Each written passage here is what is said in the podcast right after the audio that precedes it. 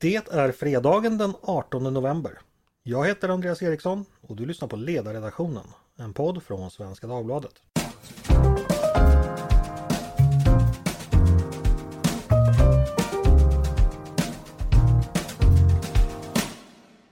Varmt välkomna!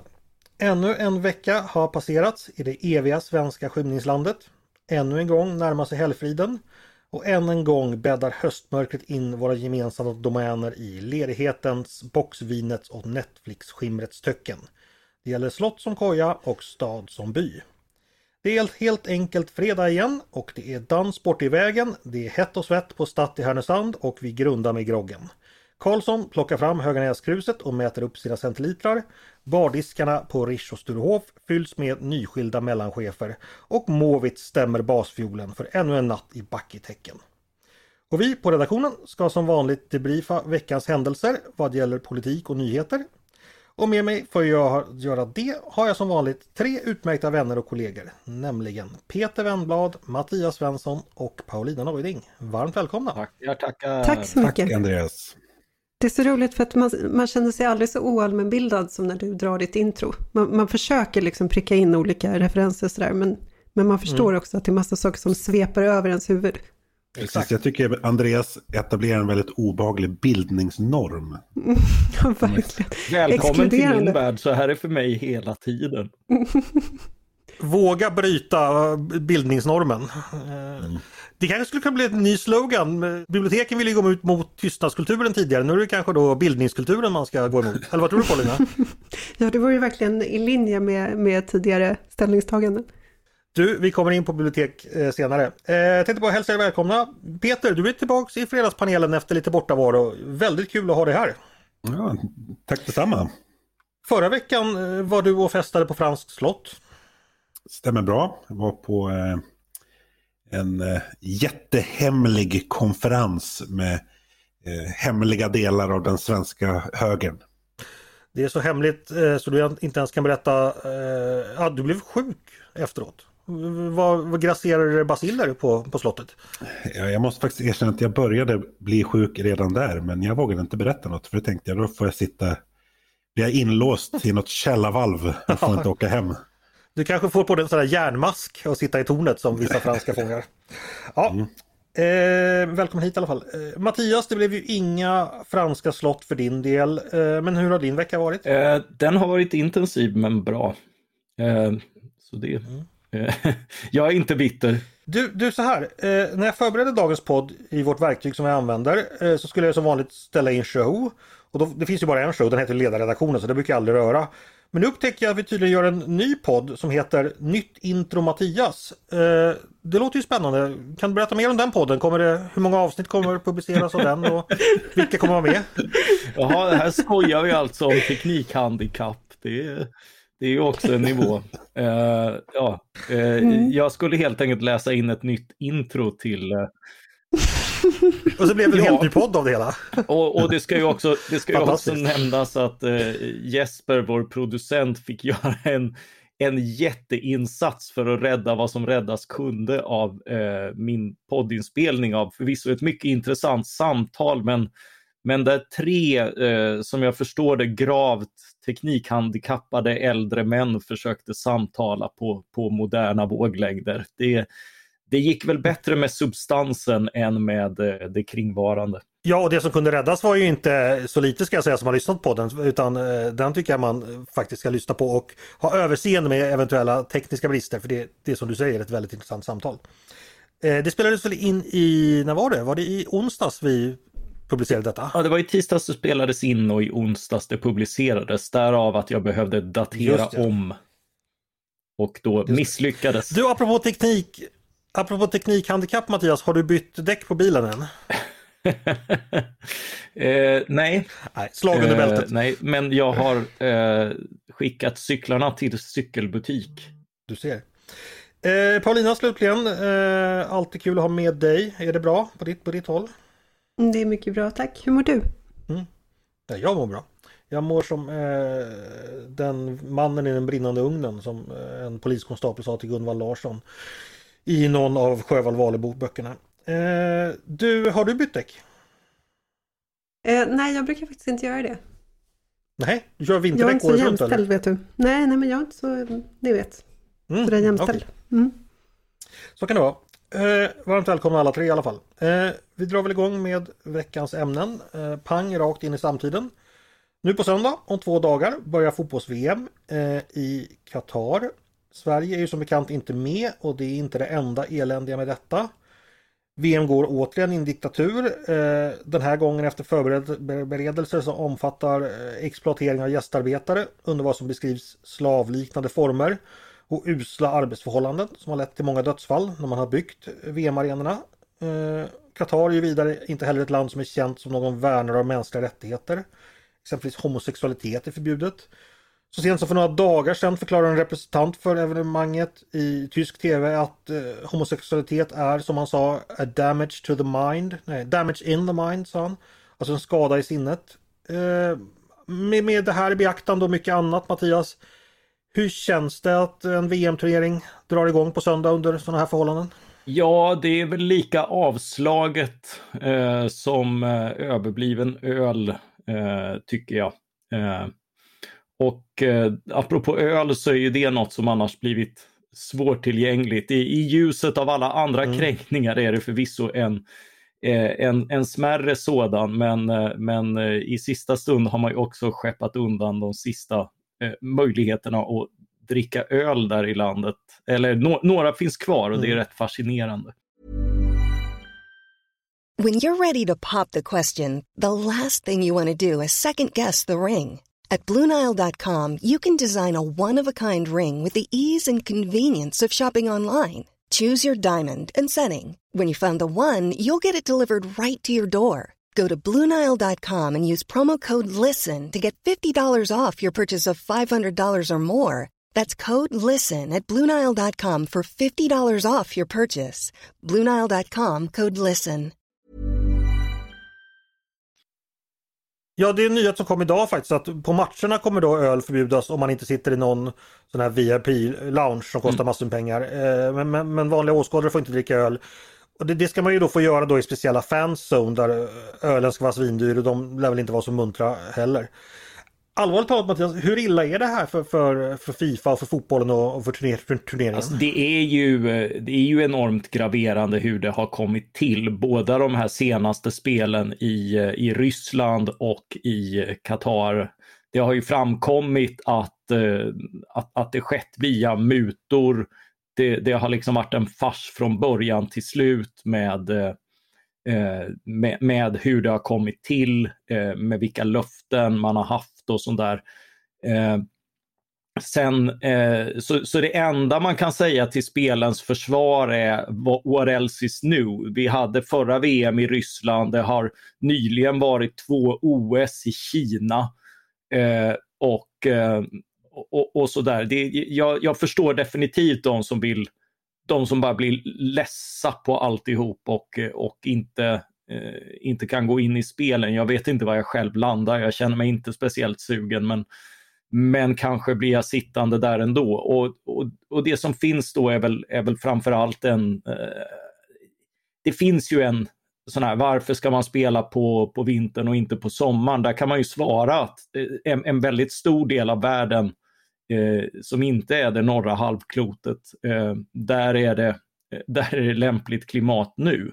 Så det är ju en annan publik Mm. och, och det är det första mästerskapet i, eh, i ett muslimskt land och, och det finns ju den, den aspekten också att det sprids och att man får, får inblick i andra länder. Men, men det är ju som sagt, den, den kulturen bör man ju självklart ta till sig men det är ju fortfarande en diktatur, det är ju fortfarande liksom eh, väldigt strikta religiösa normer, en, som du säger, en intolerant syn på, på homosexualitet, en, eh, en eh, kvinnosyn och, och, och eh, håll, eh, kvinnor kräver ju i princip ledsagare för att gå ut, manlig sådan. Ja.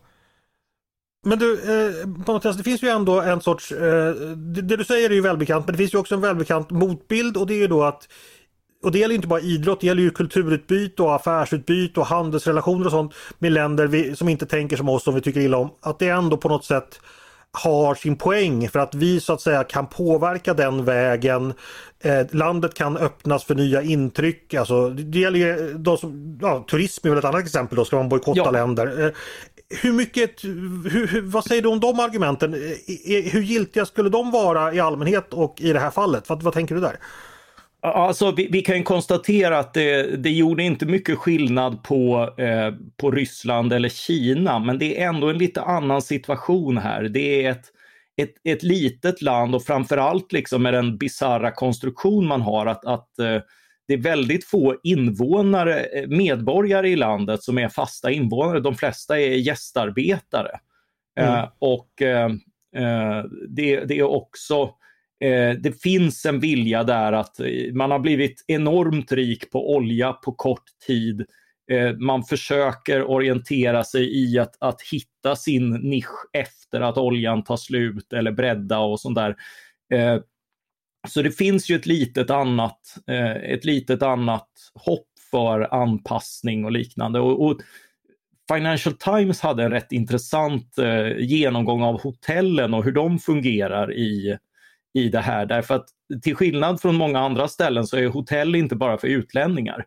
Eh, dit, eh, dit kommer eh, folk eh, från Qatar eh, och tar in där för att kunna dricka alkohol eh, och mm -hmm. ragga på varandra helt enkelt. det är lite och, frizon på något sätt alltså? Ja, precis. och, och ser du en då, då har ju också en hel del kvinnor kommit på att just den heltäckande klädseln är väldigt praktisk Eh, om, om du vill ha din identitet dold när du ska ägna dig åt utomäktenskapliga förbindelser. Så, så ser du en heltäckt kvinna på ett hotell i, i, eh, i Qatar så kan du utgå ifrån att hon inte är särskilt gudfruktig utan snarare redo för motsatsen. Okej, okay, ja, det, det, är så du tänker alltså. Intressant. Eh, nej, eh, alltså det här, det här är inte så jag tänker nej, utan, utan det, ja. det är så det är och jag tycker att det här är lite roligt. Jag noterar också, jag menar, Qatar har en enda alkoholbutik där det kräver licens för att få handla. Det är ju alltså i princip samma system som Sverige hade fram till 1955. Där, där Förutom alla hade... straffen kanske? Eh, Ja, möjligen, men, eh, mm. men det var ju liksom, å andra sidan hade Sverige en tydligare uppdelning efter kön och klass eh, och en eh, ranson för hur mycket du fick handla. Mm. Och, eh, men, men det är klart, inte ens Sverige, även om man hade velat det, så hade, så hade vi inte fått spöstraff och den typen av barbarier som en del tycker att man ska utvisa folk till. Ja, det lät som Paulina ville prata här också. Eh, du ska få fråga Paulina. Eh, mm. Kan det här bli ett skyltfönster eller en reklamplats för Qatar och dess eh, ja, auktoritära och fundamentalistiska system? Ja, det är klart att Qatar hoppas ju på det, annars skulle man inte göra det här. Mm. Ehm, och samtidigt så, vi har ju aldrig pratat så mycket om det här är ett land på tre miljoner invånare, en yta stor som Skånes. Vi har aldrig varit så upptagna med människorättsbrott i Qatar som vi är nu. Vilket mm. inte betyder att det görs någonting åt dem, men, men det är ändå så här, det är två bilder som, som basuneras ut samtidigt. Mm. Och vad, vad, tror du då? Tror, du Qatar kan räkna hem det här i, i, PR på den globala scenen? Jag vet inte. Som sagt, det, det är två bilder som går emot varandra. Mm. Um, och, och, det är väl ingen som tänker Qatar nu utan att tänka människorättsbrott jag har noterat att jag får, jag får reklam, eh, köpt reklam för närvarande i sociala medier för Saudiarabiens gröna satsningar under, under eh, klimattoppmötet och sånt där. Gröna i vilket avseende? Eh, ja, i det andra mm. avseendet. Mm, alltså, eh, de, de, de vill bli miljövänliga, den stora oljeexportören.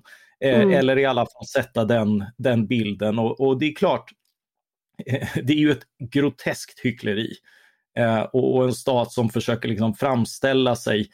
Eh, men det är ju dubbelt därför att det är ju lite grann vad försöker man framställa sig som, som görare av? Det är ju ändå i vissa fall faktiskt ett erkännande av normer och rättigheter som vi, som vi välkomnar. Mm. Ja men diktaturer är väldigt bra på att prata vårt språk. Det är som när Kina liksom protesterar mot rasism i väst och sådär. De, de använder ju vårt språk emot oss och det, det är nog så det ska förstås snarare än någonting annat. Fast här är det ju ett försök att stryka oss medhårs som, som gör att eh, det, och det handlar ju snarare i, i huvudsak om att de vill att vi ska titta där och inte någon annanstans. Säkert är det så. Eh, Peter, eh, under 30 år så var det inget stort mästerskap eh, som anordnades i en diktatur. Alltså tänker jag på mellan Moskva 1980 och OS i Peking 2008. Eh, sen dess har vi haft fotbolls-VM som jag nämnt i, i Ryssland och nu i Qatar. Och dessutom två OS i Kina. Eh, är det här tecken på något större? Om, på liksom att demokratin är på tillbakagång och diktaturen återigen är en spelare att räkna med? Ja, jag vet inte riktigt. Det är väl snarare så att, att diktaturer har blivit mer resursstarka. Eh, mm. För det är ju i grunden är det ju det som krävs för att man ska kunna, kunna arrangera den här typen av monster-event. Det är inte som att Syrien kommer att stå som värd för ett fotbolls-VM i närtid.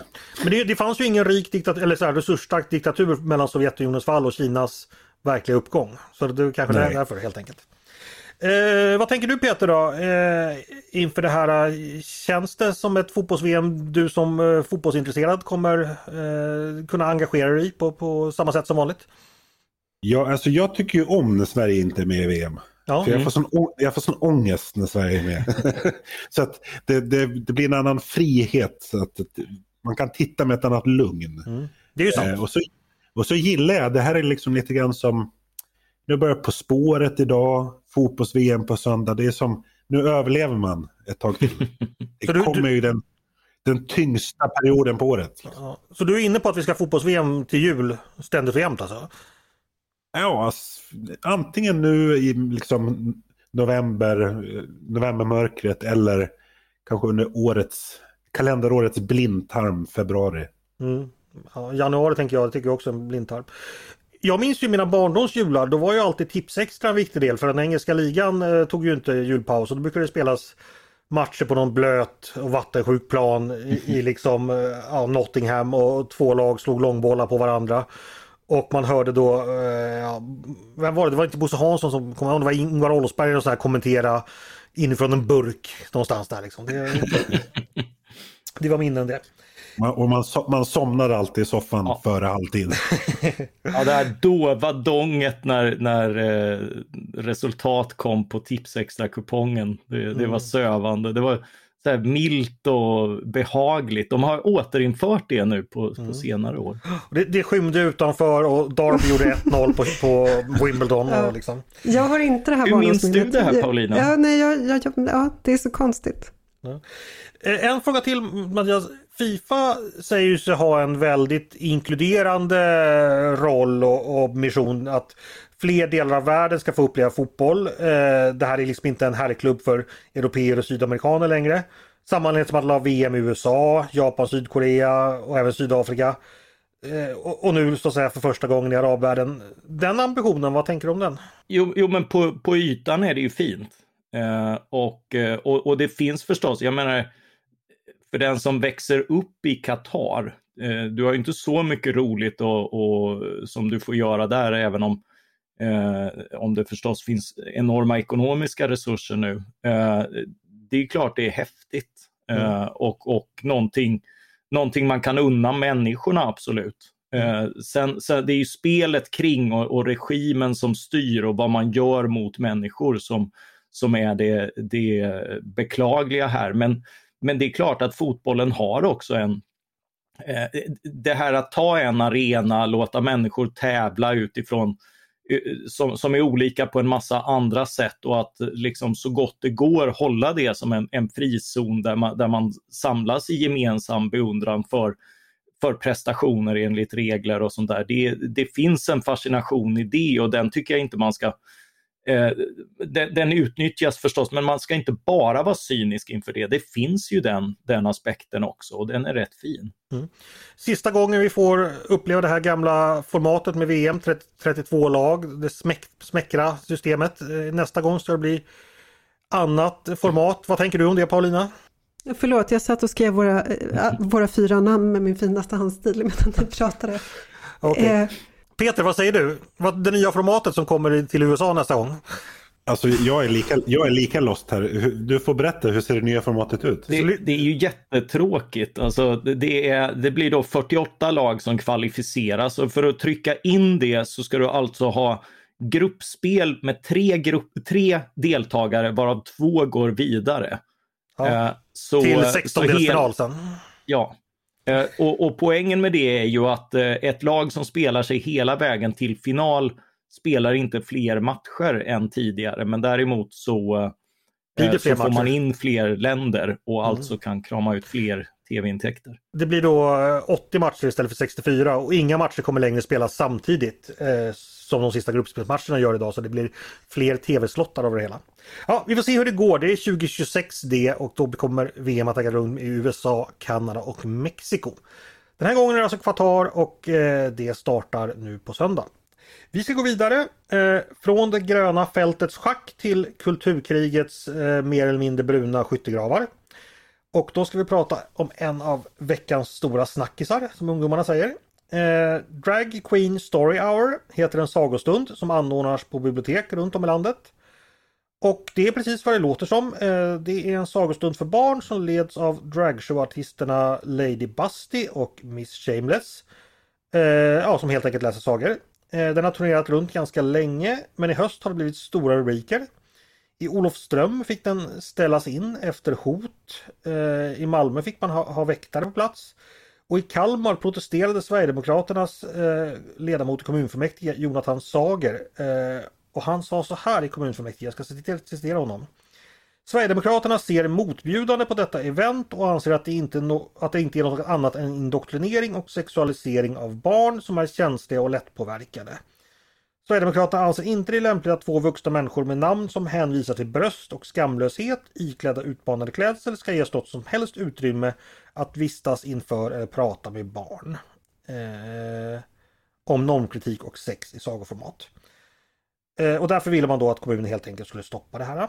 Eh, Björn Söder, eh, Sillamackan, eh, har ju också varit ute i debatten och skrivit på Twitter så här, jag citerar honom. Vad är det som är så fint med att vuxna män utklädda till kvinnor under namnet Fröken Skamlös Vinhora och Bystiga Damen läser böcker för småbarn? Låt barnen vara i fred från era sexuella böjelser. Eh, detta har lett till att Jonas Gardell har, ja, många har reagerat. Jonas Gardell är en av dem. Han skriver på Expressen Kultur att Sverigedemokraternas argument är nog samma som används i Ryssland och Ungern. Och att det är del av ett, som han skriver, högerauktoritärt kulturkrig mot homosexuella och transpersoner. Som nått Sverige på allvar nu när SD kommer till makten.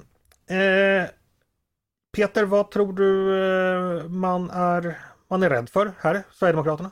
Ja, jävligt bra fråga. Eh, jag, jag har väldigt... Eh, eh, nu ska jag som du sa, jag har ju legat, legat sjuk så jag har ju det här... Eh, den här konflikten har ju spelats upp i, i mitt... Har uppfattats lite dimmigt i mitt snåriga sinne. Men jag, den här typen av kulturkonflikter har jag väldigt svårt att hänga med i och förstå. Mm. Om jag ska vara ärlig. Okej. Okay. Paulina, vad säger du? Ja, alltså en, en, aspekt av det, det är ju att det är ett till kapitel i den här följetongen om biblioteken och hur biblioteken blir en arena för eh, det som är dysfunktionellt i samhället i övrigt. När människor eh, ringer in hot till biblioteken, man har fått utrusta personal med överfallslarm i de, de fall de inte haft det redan innan. Man har fått ställa in planerade sådana här läsningar eller ha dem online av säkerhetsskäl. Och det, det är ju i sig ja, ett väldigt allvarligt tecken på hur samhället mår. Eh, när man inte kan lösa sånt här inom, inom det demokratiska samtalet. Och det gör ju alltså ett dödshot eller ett hot, hot om våld överhuvudtaget, det innebär ju, det ställer ju liksom andra krav på debatten. Det blir inte frågan längre om vad tycker vi i sak, utan vad tycker vi när mänskliga yttranden blir föremål för den här typen av hot mm. och eh, attacker. Och, eh, det, det, är liksom någonting annat.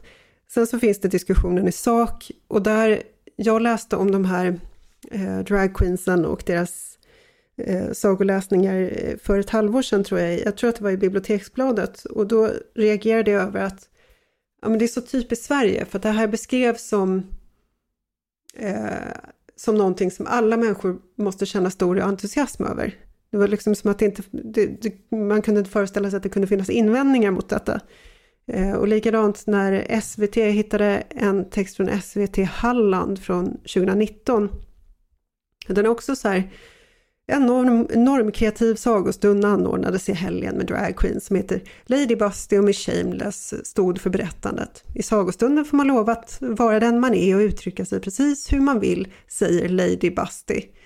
Eh, och det, det, är också det, det i sig fullständigt parodiskt därför att alltså, Lady Busty och Miss Shameless, alltså, det betyder ju faktiskt någonting och det är en typ av eh, sexuellt, eh, sexuella anspelningar visar vi barn som många människor kommer att ha invändningar mot på helt legitima grunder. Därför att det här med sexualitet och eh, hur vi pratar om sex med barn och vem som pratar om sex med barn och på vilket sätt. Det är ganska svåra och ganska komplicerade och känsliga frågor. Man kan ha legitima invändningar mot att man kallar sig för Miss Shameless Wine Whore eh, och ska prata med barn om, om hur man ska vara och vem man ska vara och sådär. Men så du har viss men, förståelse men det, för att folk är, är kritiska mot detta? Ja, det, självklart finns det utrymme för legitim kritik. Man kan vara för eller emot. Mm. Så, så som det kan vara med liksom, svåra frågor man kan vara för eller emot. Men problemet i Sverige är att det är som att vi inte har någonting emellan eh, obligatorium eller förbud. Eller liksom entusiasm eller dödshot. Antingen så är det det ena eller så är det det andra. Liksom. Det är ett problem med den här typen av progressivism där man säger så här, så nu ska vi tycka att Miss Busty är en, en lämplig, eh, ett lämpligt format för att prata med barn och Miss Shameless. Eh, antingen så tycker man så, eller så är man jättekonstig och perifer och vi kommer inte ens ge er en röst om ni är emot det här. Och det är någonting som eldar på kulturkriget. Jag säger inte att det eldar på hoten, för hoten är liksom en annan fråga. Den, den har vi klarat av tycker jag. Ja, det fattar men, jag också. Men, men, okej, men jag spetsar till det så här då. Ja, jag är med. Men jag spetsar till det så här. Är det rätt att eh, kommunala bibliotek har den här typen av sagostunder med eh, Miss Busty och Miss Shameless? Tycker du? Eh, jag ska, jag ska lägga till en sak till förresten. Jag tror att det finns en språkfråga här också. Jag tror att när man säger saker på engelska så tror jag att man inte tänker på att de betyder någonting. Mm. Det, det, är min välvilliga läsning. Jag tror att eh, fröken Bystig och fröken Skamlös vinhora skulle haft större problem än, än liksom... Jag, jag, jag, ska bara lägga till en sak här. Jag tror att det här med vinhora, alltså winehore, det är då dragshowartistens namn i, i, andra föreställningar som är riktade mm. till vuxna. I barnsammanhang har jag inte sett utan då heter hon Miss eh, Shameless. Mm. Det, det, är ganska roligt för jag fattade först inte det här med winehore. Jag trodde det var holländska, att det var liksom vinhore. Ja. Men du, du svarade inte på min fråga. Eh, tycker du det, är rätt eller fel att bibliotek har den här typen av sagostund, eller har den här, just den här sagostunden för barn? Jag har inte sett den, jag, jag, skulle vilja se den för att veta, men min, min reaktion var inte positiv kan jag säga till att man eh, pratar med barn på det här sättet i, i det här formatet och dessutom eh, temat för de här sagostunderna verkar vad jag har förstått varit det här liksom normkreativa som de kallar det. Och, och det, det, finns ju ett fokus idag när man talar med barn om kön eh, som om det vore någonting flytande. Och det är en ganska icke-vetenskaplig, ett ganska icke-vetenskapligt synsätt som, som skapar en hel del förvirring. Så det är i sig ett problem. Men mm. jag har inte sett de här eh, jag, jag, vill liksom se dem innan jag, innan jag pratar om dem. Men du tycker det finns anledning för att titta närmare för koncernen så att säga? Ja, och sen så är en annan fråga vad som ryms inom yttrandefriheten. Alltså, och, och det här är jättesvåra frågor. Och det, det, ja, men bara för att yttrandefrihet att... behöver ju inte, alltså yttrandefrihet innebär ju inte att alla har rätt att vara på biblioteken, inte sant? Eh, det... Eh, ja, det, det är i sig en, en egen fråga, men ofta är det så att, och det här har jag skrivit om i flera artiklar, att vuxna vill manifestera sin egen progressivitet genom att skämta om sex med barn, ta, lyfta fram sex med barn, alltså i samtalet med barn och så vidare. men, men eh, på ett sätt där inte barnet står i fokus och barnets behov av att eh, ställa frågor och, och så vidare och få fakta. Men vad är det för? Det är den vuxnes vad, vad... behov. Men vänta, får jag bara prata klart? Det är den vuxnes behov som står i fokus. Till exempel då vi, för flera år sedan så skrev jag en artikel om eh, när SVT Barn hade ett program om onani som var riktat för barn, till barn och där frågade SVTs journalister barn i en enkät, har du onanerat? Och de flesta barnen svarade nej.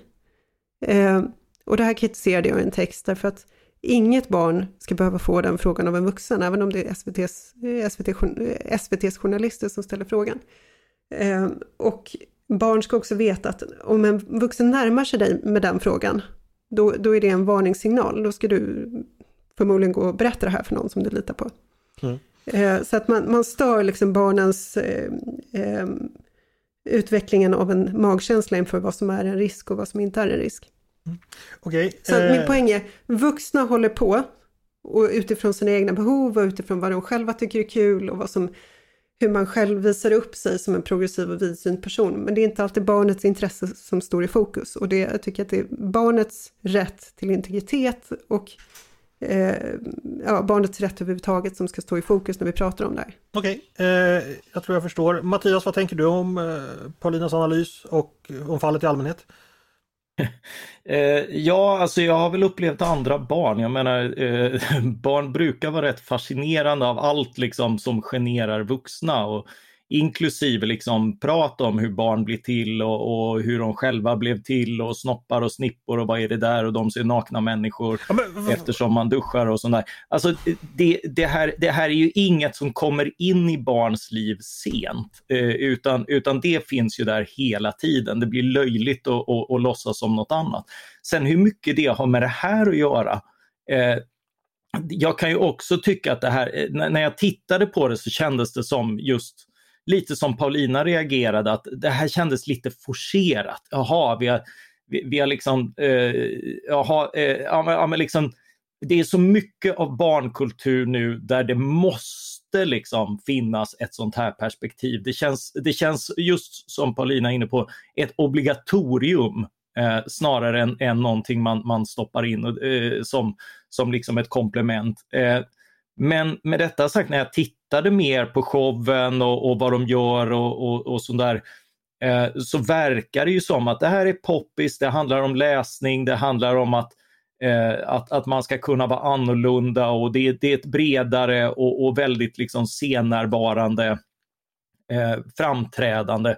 Och då har jag ju få reservationer och det är just den här Eh, och, och, sen är det också lite märkligt liksom den här diskussionen för, för det är ju precis som när Paulina tar upp våldet i Malmö, då vet vi liksom, eller har i alla fall en väldigt god gissning vilka det mesta våldet och hoten kommer ifrån.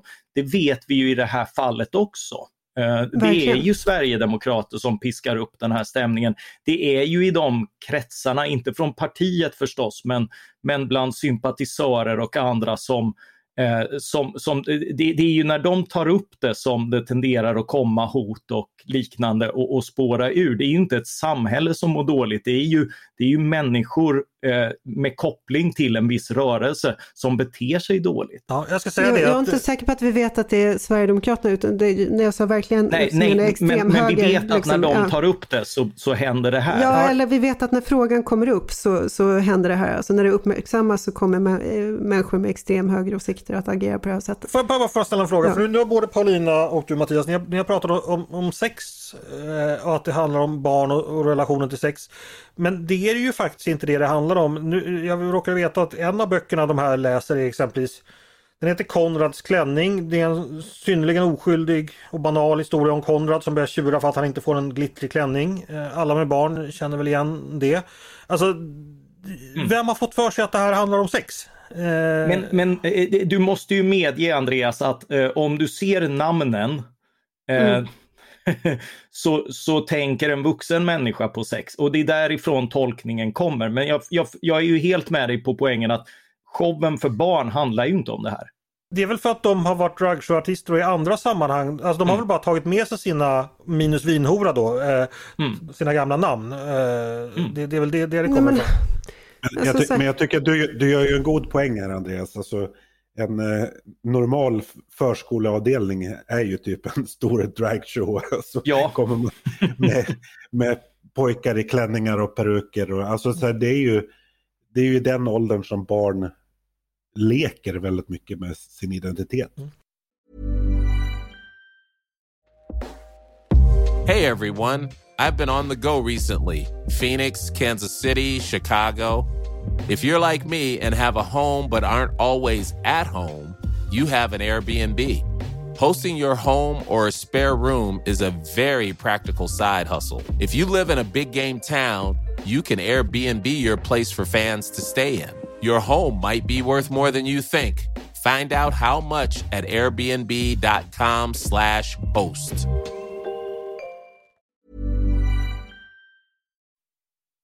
En fråga har jag här och det är ju att den här eh, sagostunden har ju då, eh, ja, det är, för första ska jag säga att det här är ett eh, internationellt fenomen. Tittar man på Youtube så hittar man massor med sådana här exempel från andra länder. Eh, I Sverige så har fenomenet, eller den här gruppen då, eh, eller den här duon är det väl, började redan 2018 och har alltså rest runt på vad jag förstår mängder av bibliotek. För det är ju ofta vad kulturarbetare gör. Det är ju kärvt för dem liksom så att Får man ett gig där man liksom kan få kommunala, alltså kommunala gig är, är bra om man vill överleva mm. som kulturarbetare. Och det har man gjort alltså då sedan, sedan minst 2018, det vill säga snart fem år. Och helt plötsligt nu så, så smäller det till. Eh, det kan man väl också ha värt att ta upp. Vad är det som händer just nu som gör att det här blir så, att man tänker så mycket. Har du någon tanke kring det Paulina? Att, uh, ja, men det är att det kom upp i, jag, jag, tror att det kom upp i riksmedia bara och, och, blev uppmärksammat. För att eh, när det stod om det i biblioteksbladet eller vilket det nu var så har man inte, inte uppmärksammat det. Ja. Så att jag, jag, tror att det är en sån grej att det helt enkelt har kommit upp. Eller så är det den amerikanska debatten som har folk, fått folk fråga sig, finns det, eh, finns det här här också? Mm. Nej, jag menar, det, det, i och med att, säg att de var varje gång haft besök av säg 20 ungar och de har genomfört, vad kan det vara, några i veckan. Det måste ju vara tusentals människor runt om i Sverige som har gått på det här och allt har varit fridfullt i liksom snart fem års mm. tid inte en käft har brytt sig, men så smäller det till just nu. Eh, och det kan ju vara ja, så. Alltså det, ja, Peter? Det utlöstes ju av att det var en SD-politiker i Kalmar som ville stoppa dem när de var i Kalmar. Ja, precis. Det, det var det tidigaste jag hittade just den här debatten. Och, och detta är en oppositionspolitiker, så det är inte ens så att han har makt. Så det är han som har protesterat. Det kommer inte att hända något på grund av det. Och så är det Björn Söder som har twittrat och sen har det fått, eh, det, det har ju fått olyckliga effekter lite överallt, inte minst då i Eh, Eh, i Olofström är det väl där man fått ställa in på grund av hot. Eh, ja, precis. Det är en annan tanke jag skulle kasta ut eh, utifrån Gardells text där han beskriver då att eh, saker och ting eh, Alltså att det blir värre när det handlar om, om fördomar och förtryck och sådär. Alltså, jag vet inte riktigt om jag köper den bilden som ständigt återkommer om det liksom tillåtande och progressiva förflutna och den hårda samtiden. Jag menar, jag vet inte ens om, säg för 30 år sedan 1992 eller 1982 alltså dragshowartister på sagostunder, hade inte reaktionerna kunnat bli likadana då? Eller vad, Jo, alltså jag kommer ihåg, vi har ju alla läst Berts dagbok. Jag vet inte om ni minns att Bert åker tåg och så sitter två män och skålar för att de har gift sig. Och så frågar Berts familj så här, vad trevligt, men var är era fruar? Och så svarar de att de har gift sig med varandra. Mm. Och det är liksom så här, det är det som är skämtet, att i Danmark kan män gifta sig. Mm. Eh, och jag menar, det här är inte så jättelänge sedan. Det är klart att vi är mycket mer toleranta idag. Ja, det, det, det, det, det, tänker, det tänker jag också. Så, mm.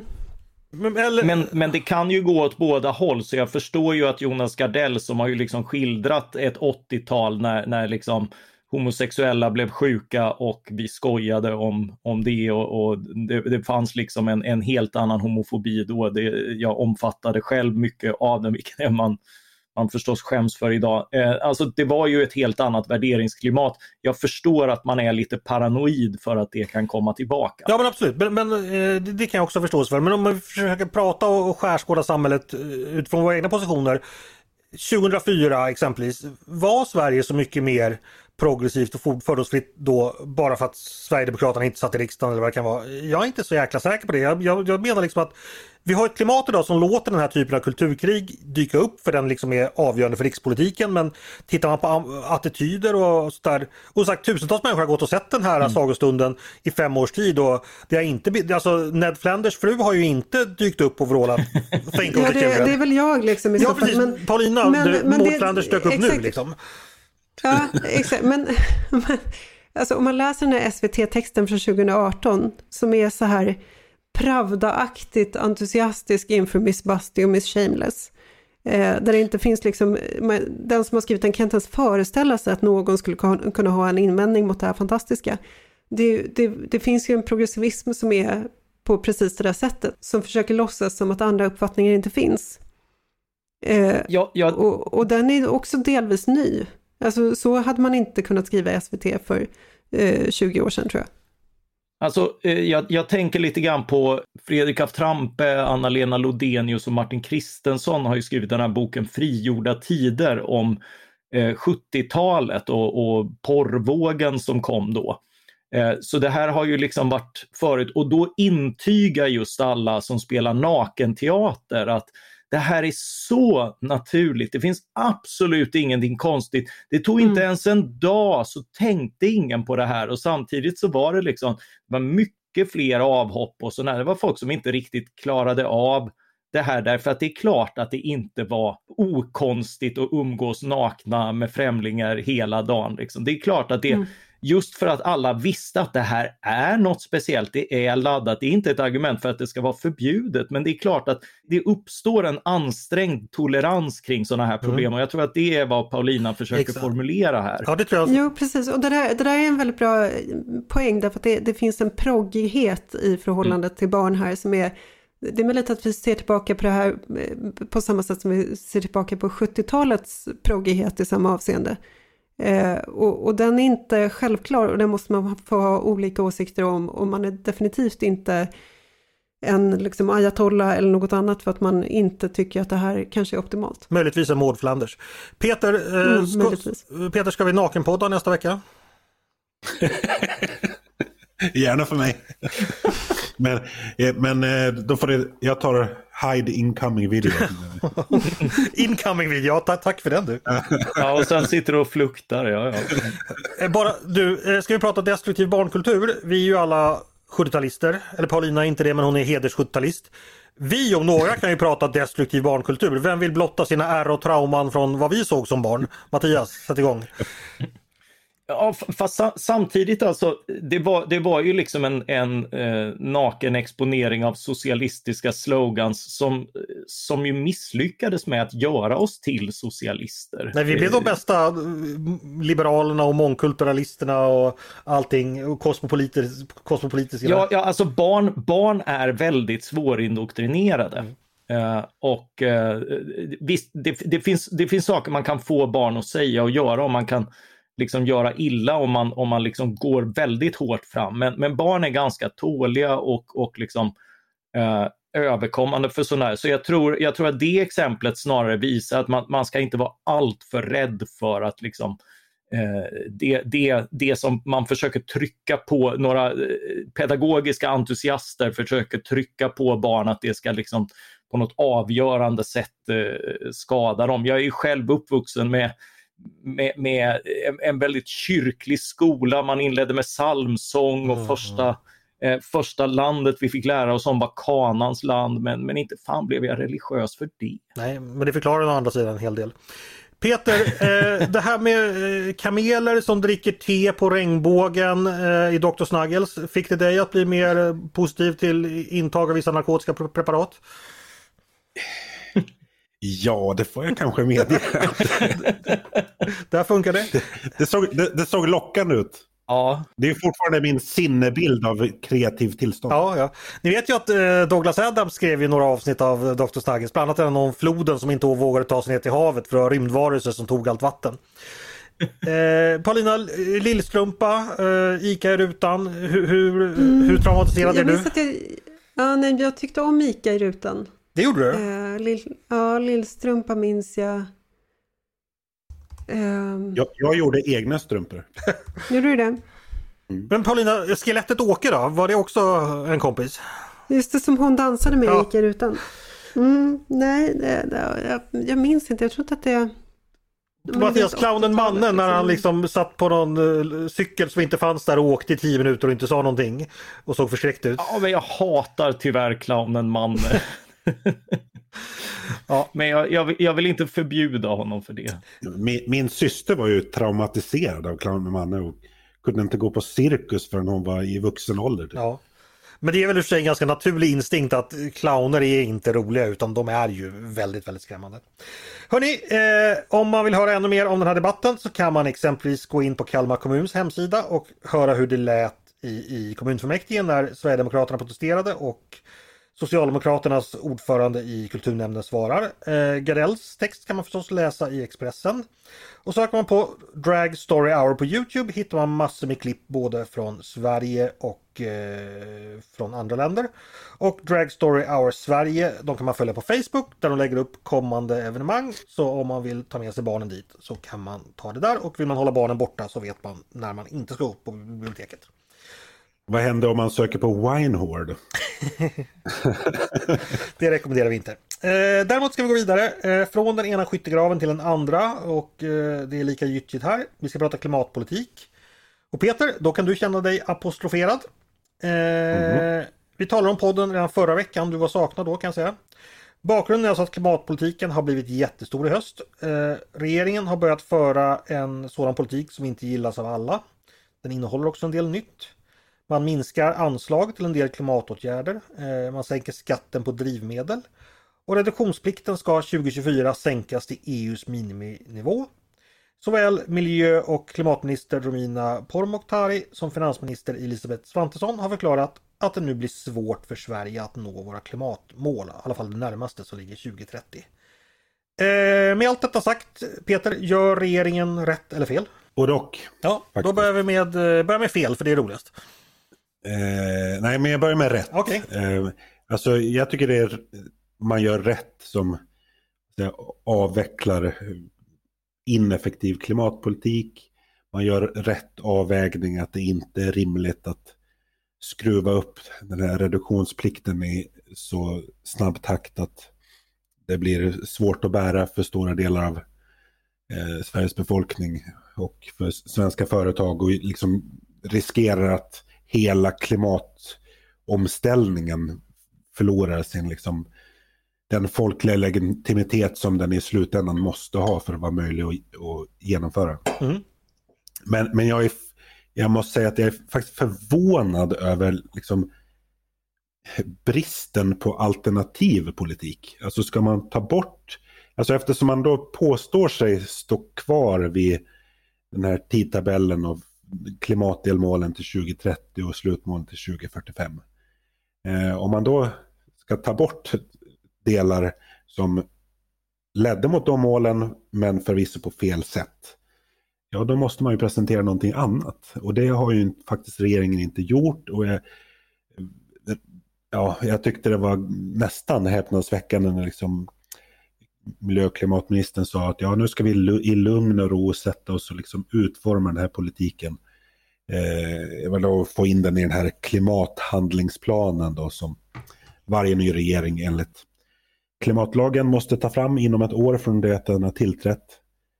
Eh, och då tänker man så här, men vad gjorde ni före valet? Mm. Jag förutsatte att den tillträdande regeringen hade en hyggligt tydlig bild av vad man ville göra istället. Men det framstår som att man inte hade det alls. Det är famous last words att jag litade på politikerna. Eh... Ja, men eller att man åtminstone, alltså alternativet hade ju varit det som, som eh, jag har lyft fram några gånger. Alltså, oavsett vilken väg man vill ta så är 2030-målen inte realistiska ut, utan att det sker till ett liksom, orimligt högt pris. Mm. Eh, ja, men då hade man kunnat ta en diskussion om, om eh, tidtabellen. Mm. Eh, men det, gör, det väljer man ju inte att göra. Så att jag tycker att den här kritikstormen som regeringen har eh, hamnat i, förvisso från partier och politiska krafter som i regel har fel i det mesta, så har man, eh, det har man bäddat för själv. Du skrev också på Twitter att, eh, ja, jag minns inte de exakta orden, men att ingen regering hade kunnat nå klimatmålen till 2030. Hur kan vi veta det?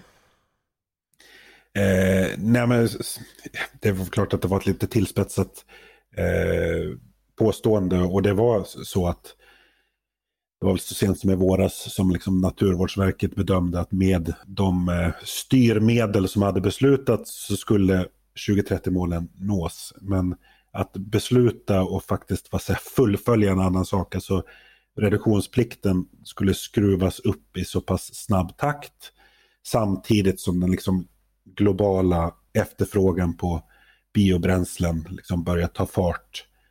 Att liksom bränslepriserna hade ju med stor sannolikhet stuckit i skyn mm. liksom, inom kort. Och det hade, det hade ingen eh, regering oavsett färg klarat av att stå fast vid. Det var mitt resonemang. Ja. Liksom. Ja. Eh, vi ska påminna om att den förra regeringen faktiskt då eh, redan i våras bestämde sig för att pausa reduktionspliktens uppskruvning helt enkelt. Man valde att vi skjuta ja. upp den. För nu är det väl så att när det gäller diesel så är det väl ungefär 30 procent. Det skulle varit upp till 36 procent eh, nästa år men det, det pausade han. Men slutmålet 2026 var ju att det skulle vara ja, 60, 65 procent eller alltså det, enormt mycket, mycket mer biobränsle skulle, skulle in i, i drivmedlen än vad som är idag. Så att, och detta som du säger kombinerat med att biobränslen blir dyrare. Vi har ju legat före i den här iblandningen mm. så att Sverige har ju haft ganska liten konkurrens när vi har köpt eh, biobränslen. Alltså 90, jag tror 90 procent av biobränslen som blandas i importerar vi. Mm. Eh, men nu börjar ju de andra EU-länderna att rulla igång och även andra delar. Så att det råder ju inget tvivel om att priserna skulle ju pressas uppåt. Och då tänker du att ingen, ingen regering eh, hade kunnat eh, politiskt eller ekonomiskt egentligen kunnat genomföra det, de reduktionsplikten så långt som man hade planerat helt enkelt. Det är din bedömning. Ja, och kanske till och med rent praktiskt att så här, det, det finns inte biodrivmedel. Alltså det är inte ens en prisfråga utan att det finns inte de volymer som behövs för att, eh, för att gå i den här takten. Men du, vad kan man göra då? Du var besviken på att regeringen inte hade alternativa idéer. Vad skulle det kunna vara för idéer då? Nej, men jag tycker ju att den här elektrifieringsvägen är den rätta. Och det, alltså även de som vill eh, skruva upp reduktionsplikten ser ju det som ett vad säger, mellansteg på vägen till, till eh, elektrifiering. Jag tycker att mellansteget eh, kan mer eller mindre hoppas över, alltså så här, satsa på elektrifieringen och då är det liksom, utbyggnad av kraftproduktion, utbyggnad av laddinfrastruktur är det som, men det tar ju tid. Mm. Liksom. Och då behöver man anpassa tidtabellen efter hur snabbt det är praktiskt möjligt att genomföra. Mm. Vad säger ni andra? Eh, Peter tycker att regeringen får viss välförtjänt kritik här. Vad, vad, vad tänker ni? Man ska ju komma ihåg att eh, de är ju lite grann därtill nödda och tvungna. Därför att nu har man skrivit in de här målen i, i fördrag, man har lagstadgat dem inom EU och, och inom Sverige också tror jag med olika ramverk och sådär. Eh, och, och, det gör ju att eh, vad, vad, man i princip lagstiftat om det är att inga länder är på väg att uppnå de här omfattande målen man har satt upp. För det är mycket lättare att sätta ambitiösa mål långt upp i framtiden än, än att faktiskt uppnå dem. Sen måste man låtsas som man uppnår dem. Uh, och, och det man har blivit så arg på den här regeringen för är att de låtsas för dåligt att de försöker uppnå dem. Uh, och, uh, och det, är, det är ju precis som Peter säger, det blir ju en poseringstävling. Eh, och det har också gjort att, eh, att människor kan sätta sig på väldigt höga hästar över pseudodiskussionen om mål snarare än den substantiella diskussionen om, om hur vi faktiskt minskar utsläppen på, på ett hållbart och alltså uthålligt sätt. Mm. Eh, Peter, då får du, du sy ihop ämnet då. Vad väntar framöver klimatpolitiskt för den här regeringen? Vad har du för, för förväntningar för nästa år? En jättebra eh, fråga faktiskt. Alltså, jag tycker att eh, jag vet inte riktigt hur den här regeringen ska ta sig ur den här gropen utan att liksom, ta den ta diskussionen om, om eh, tidtabellen. Mm. Jag, jag förväntar mig nog att det här kommer fortsätta. Det här kommer bli jobbigt för Romina Pourmokhtari. Ja, då får vi önska henne lycka till på den jobbiga resan. Eh, själva ska vi gå vidare och då har det blivit dags för eh, mitt favoritmoment här i podden. Det som vi kallar Svar direkt. Eh, och det känner ni till. Eh, jag stresstestar mina kollegor det och deras politiska reflexer och förmåga att skilja sant från falskt, gott från ont. Det går helt enkelt till så att jag likt en smash från Bengt Gustafsson efter ett upplägg av Janne Hedengård efter ett block av Håkan Björne smäller på mina kollegor med en aktuellt förslag som lagts under veckan. Och så får de kasta sig likt PA Säv för att rädda bollen. Eh, och det gör man genom att ge mig ett kort binärt svar. Ja eller nej, för eller emot och snabbt ska det gå. Det handlar helt enkelt om att ge svar direkt. Peter, du var inte, det var ett tag sedan du var med men du minns hur det gick till? Ja, det gör jag. Ja, bra. Då börjar vi med en ganska enkel. Eh, Sverige måste införa statlig e-legitimation. Det säger regeringens utredare Anna Kinberg Batra. Eh, idag är det så att det är privata aktörer som de stora bankerna som utvecklar e-legitimationer och det är inte rimligt tycker hon att de måste vara kund hos dem för att kunna legitimera sig exempelvis i sjukvården. Eh, vad tycker ni? Behöver vi en statlig e-legitimation? Ja eller nej? Jag vill ha svar direkt. Ja. Nej. Ja, Eh, Peter, du sa nej så du får börja. Fasen också. Ja, ja, det, det var en ren reflex. Eh, det var en god jag- reflex. Ja. Eh, nej men alltså även, här kanske jag har fel, men alltså även vanliga legitimationer utfärdas ju av andra aktörer än, Ja. än eh, Men skillnaden staten. här är att du måste vara kund för att kunna eh, få eh, legitimation. Alltså, Andreas Ekström har skrivit en utmärkt bok som heter Bekvämlighetens tyranni, där det här tas upp. Jag rekommenderar verkligen att man läser det, för det är eh, på tal om saker som bara blir som de blir för att det är, det är praktiskt och det går fort. Och, eh, och, och så har det blivit på ett visst sätt utan att någon egentligen har planerat för eller designat det. Och det här är ett väldigt bra exempel på det. Att det blir som det blir, det är det som kallas marknadsekonomi. Jag kan ju säga här då att Och här handlar det ju... mm. staten utfärdar visst legitimationer för både pass och körkort utfärdas av staten och de går att använda som legitimationer. Ska sägas. Ja. Jo, men e, ja, exakt. Mm. Och e-legitimation har det varit annorlunda med. Okej, eh, Peter, eh, ja, du, du sa nej på din reflex. Jag kan- Eller vill du? Ja, jag, kan- jag, kan, jag kanske byter. Okej. Du, får, du får fråga igen nästa vecka. Mattias, vill du lägga till någonting här? Varför behövs det statlig e-legitimation? Nej, men eh, jag, jag kan, jag, i och med att staten eh, redan, eh, de, de, de räknar oss, de beskattar oss, eh, de, de kontrollerar oss.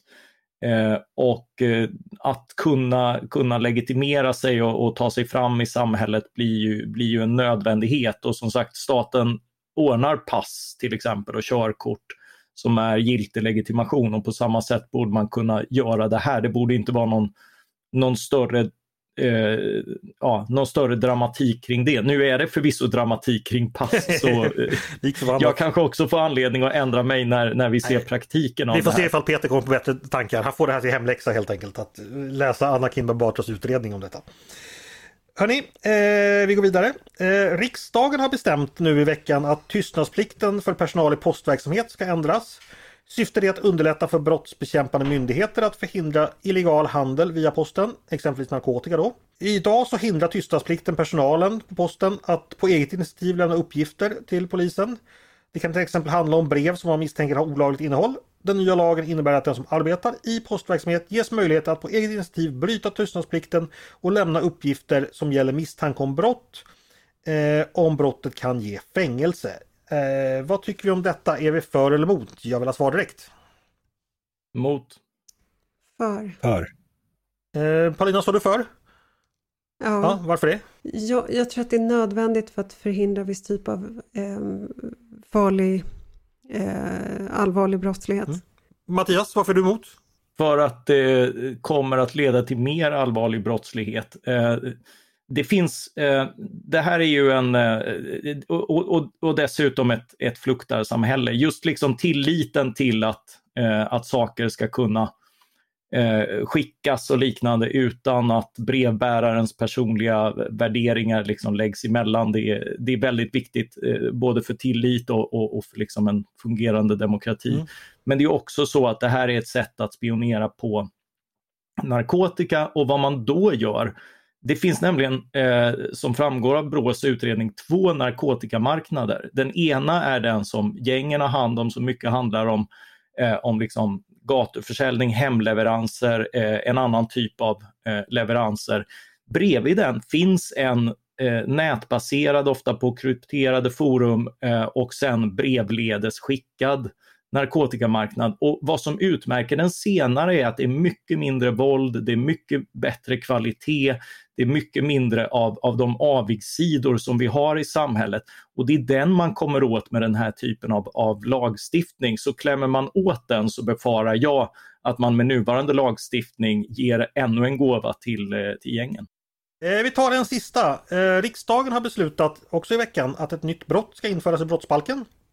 Utlandsspioneri heter det och det handlar då om Sveriges internationella samarbeten.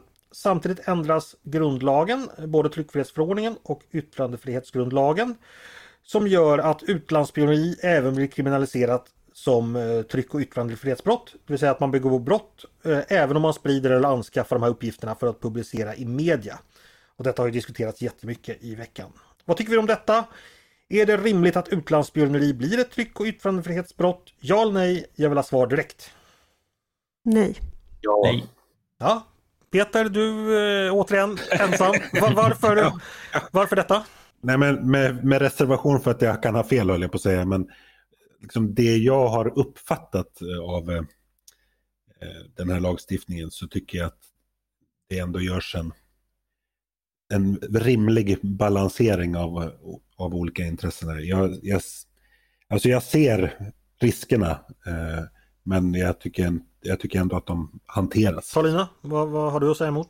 Eh, vad jag har läst av den så, om den så framstår det som att den är illa förberedd, illa genomarbetad, slår för brett, eh, försvårar eh, journalistik och visselblåsning kring eh, eh, när internationella organisationer, eh, ja, när det sker felaktigheter inom internationella organisationer, mm. typ övergrepp inom FNs utlandsmissioner.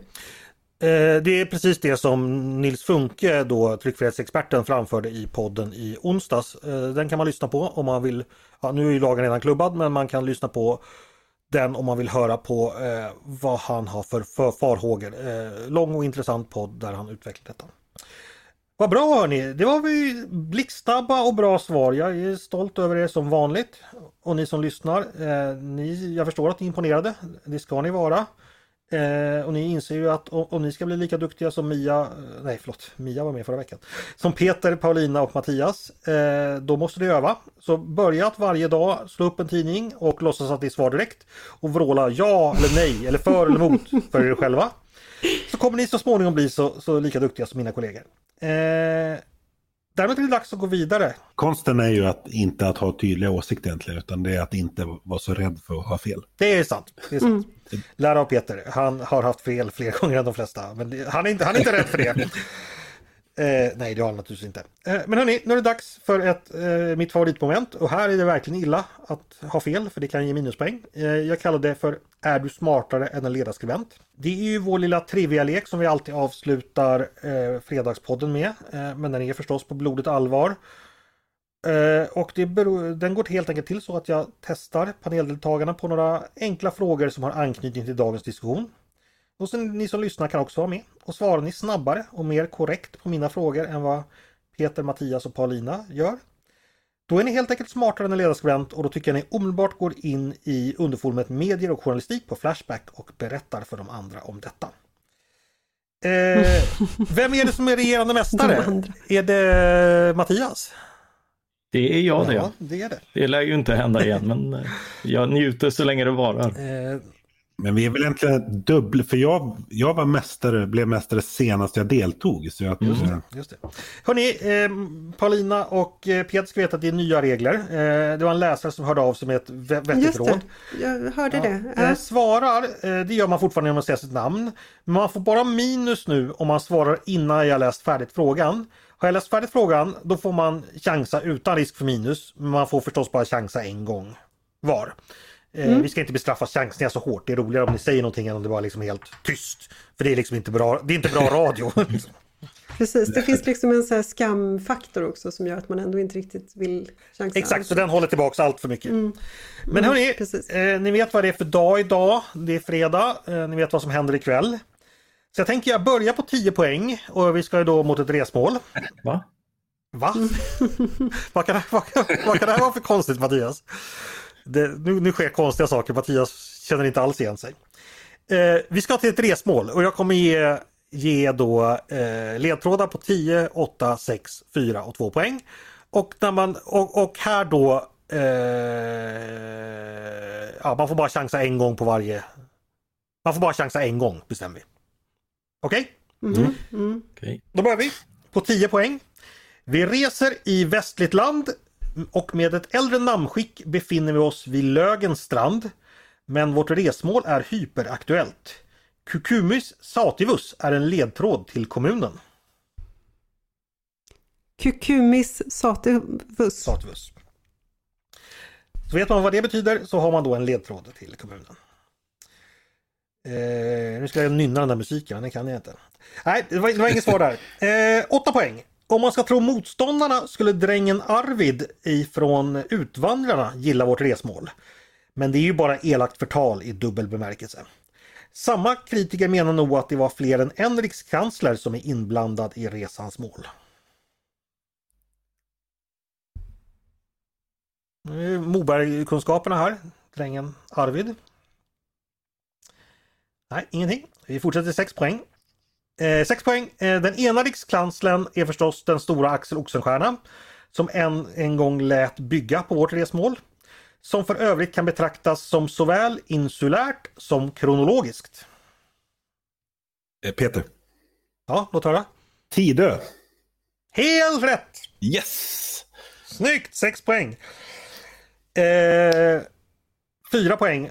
Det, har väl, det, var, det var väl knappast någon som hade hört talas om resmålet innan oktober i år men i dessa tider har det blivit både känt och bland vissa ökänt. Två poäng. Vi är framme vid resans mål. Slottet där regeringen och Sverigedemokraterna gjorde upp om politiken. Och då undrar jag det här med drängen Arvid. Vad var det för ledtråd? ja. Tidelag tänker du på? Ja, Tidö, eller? ja med kvigan såklart. Han kallades ju tjuren på Nybacken för att uh, ja, han hade varit... Och vad var jag, nu jag tänkte att det var något kreatursmässigt men... eh, ja. Och eh, ja, insulärt och kronologiskt det är ju ö och tid. Och Cucumis sativus betyder ju gurka och det är Västeråsgurka. Bra! 6 poäng! Vilken, vilken start Peter! Mm. Känns det bra? Ja, några- det känns bra. Alltså, sex, det, vet, det vet ju vi som, som eh, tittar på På spåret att sex är ju skamgränsen. Liksom. Vi tar några frågor på det resmålet bara. Eh, I vår egen tidning har vi fått läsa den fantastiska historien om hur Tidöavtalet kom till. Författade av våra politiska reportrar Maggie Strömberg och Torbjörn Nilsson. I det berättas om en särskilt sen nattmangling som inte slutade förrän väldigt sent. Vem var det som enligt reportaget satt uppe med Liberalernas ledare Johan Persson och drack whisky och löste ut de största knutarna? Har ni inte läst er egen tidning? Eh, jo, Peter. Jo, Ja, Peter? Jimmy Åkesson och Henrik Winge. Ja, Helt rätt. Yes! Det får, Henrik, eh, Henrik Winge var den som satt uppe sist, men eh, Jimmy Åkesson och de var en trio och så blev de en, en duo kvar sen. Snyggt! Eh, när vi pratar Västerås kommer man osökt att tänka på hockey. Staden var under många år hade många år ett elitserielag eh, och här skolades en av våra absolut mest kända ishockeyspelare. Han har vunnit VM, OS och Stanley Cup. Mattias, Mattias? Niklas Lidström. Ja, snyggt. Och så en till fråga på Västerås. Eh, här låg ju en gång i tiden eh, Västmanlands flygflottilj. Nämn platsen för en annan flygflottilj, antingen existerande eller tidigare. Vilken som Peter. helst. Peter? Uppsala. Ja, rätt. Ja! Åtta poäng sammanlagt till Peter efter den här första lilla resan. Ett poäng till Mattias. Och noll till Paulina. Ska vi ta en resa till? Ja. 10 poäng. Vart är vi nu? Det kan man fråga sig. Tänk St. Paul och Minneapolis. Och det där med tidelag är faktiskt en ledtråd även här. Inget svar. 8 poäng. Kommunen och staden upplevde som andra industristäder en tillbakagång när det gäller tillväxt och befolkning på 70-talet. Men nu har det verkligen vänt igen och kommunen är en av Peter. Peter? Eh, Eskilstuna. Snyggt Peter! Kent-referensen. Den tog jag. Precis, för den kommer så här. Eh, tillbaka till tidelaget. Om du, om du var här skulle du nog känna igen en viss jordbruksministers uttalanden om relationen mellan människa och djur. Eh, vi befinner oss i Rekarebygden och ingenting någonsin kan få mig att vilja lämna. Eh, kan ni det inte nu är det dags att fundera på en helt ny karriär. Tänk en engelsk martyr, tänk en liberal ledarskribent som just nu rapporterar från Ukraina och tänk ett band som en gång hette Havsänglarna. Visst är det Eskilstuna? Fantastiskt Peter, hur känns det? Ja, det... Jag har alltid drömt om att få känna det här på spåret-ruset. Att liksom Och här- våga, våga dra. Och det här är det närmaste du har kommer det. Eh, ja, vi ska ta några frågor till. Eh, på Eskilstuna tänker man förstås på Hans Eskilsson. Tänker man på Hans Eskilsson tänker man förstås på fyrnationsturneringen i Västberlin 1988. Tänker man på den tänker man givetvis på att Sverige det året inledde det lyckade kvalet i fotbolls-VM 1990. Då var Hans Eskilsson inte med. Men det ger oss anledning att ställa några frågor om just fotbolls-VM så att vi kan skita i Eskilstuna. Första frågan eh, utspelar sig i VM 1982 eh, när Frankrike möter Kuwait eh, den 21 juni. så gör eh, Frankrike 4-1 i mitten av andra halvlek och spelarna firar och tror att matchen är avgjord. Men vad händer då? Mattias? Ja, Mattias, låt höra. Eh, ja, det är en eh, shejk på läktaren som eh, säger åt det kuwaitiska landslaget att avbryta matchen så de börjar gå av och sen börjar man förhandla om det här och målet döms bort. Ja, domaren ändrar helt enkelt bokslutet efter då att den här shejken som hette Fahad Al-Ahmed Al-Jaber Al-Sabe som också var medlem i den kuwaitiska kungafamiljen och chef för Kuwaits fotbollsförbund. Han går helt enkelt in och överprövar domarens beslut. Så, så, så var det med det. Men sen vann ändå Frankrike med 4-1 till slut så att rättvisa skipades. Ja. Då har du två poäng Mattias. Paulina, är du vaken? Nej, jag tänkte gå och sätta på lite kaffe medan ni pratar om VM. En annan mycket bisarr episod skedde i matchen mellan Brasilien och Zaire i VM 1974. Zaire låg under med 2-0. Brasilien får frispark i ett bra läge. Precis där Brasiliens toppskyttar Revelino och Rarcinho förbereder sig för att skjuta eh, och väntar på domarens signal springer en spelare från Zaire som heter eh, Mevepu Ilunga ut ur muren fram till bollen och sparkar iväg den så långt han kan. Han blir förstås varnad och hela fotbollsvärlden tror att de har sett en mycket bisarr dumhet. Först senare kom det fram den verkliga orsaken till Ilungas märkliga agerande. Vad var det? Här tror jag du överlistade oss. Mm, den var svår. Det var enkelt, så enkelt så här att eh, Zaire styrdes för den här tiden av en diktator som hette Mobutu Sese Seko. Och han var lika fruktad som fotbollsintresserad. Och efter att Zaire i matchen innan förlorat mot Jugoslavien med 9-0 så hade han förklarat att om laget förlorade mer än tre mål mot Brasilien då skulle de inte få komma hem igen helt enkelt. Så Ilunga gjorde ett, liksom ett desperat försök att få tiden att gå för att hålla ner siffrorna och tog ett gult kort på grund av det. Och det lyckades för Zaire förlorade bara med 3-0 och laget fick, fick komma tillbaka. Eh, men det gick inte så bra för spelarna sen, de flesta dog senare i fattigdom. Ja, matchen är avgjord men vi kan ta en sista fråga. Eh, närmast vinner. Vuvuzela är kanske vårt bestående minne eh, och vår bestående öronskada från VM i Sydafrika år 2010. Luren det tutades hit i förbannelse under alla matcher. Men hur mycket låter egentligen en vuvuzela? För det mättes faktiskt upp här eh, på matcherna under just det här fotbolls uppmättes ett decibeltal som anses vara smärtgränsen för, för, för vilket ljud man kan tåla. Hur många decibel kom man upp i matcherna närmast vinner? 110. Mattias Palina? Då säger jag 140. Eh, 90. Peter tar hem den sista också. Det är 120 decibel. Total defilering av På spåret-fantasten Peter. Jag har vilat mig, vilat mig i form. Ja. Det var väl roligt Paulina? Kan vi, ta, kan vi köra Så ska det låta nästa du, gång? Du fick faktiskt en, latin, du fick en ledtråd på latin, men den klarar du inte. Ja, och den, ja men, alltså jag har sagt det här, jag kan inte ja, latin, du vet vad.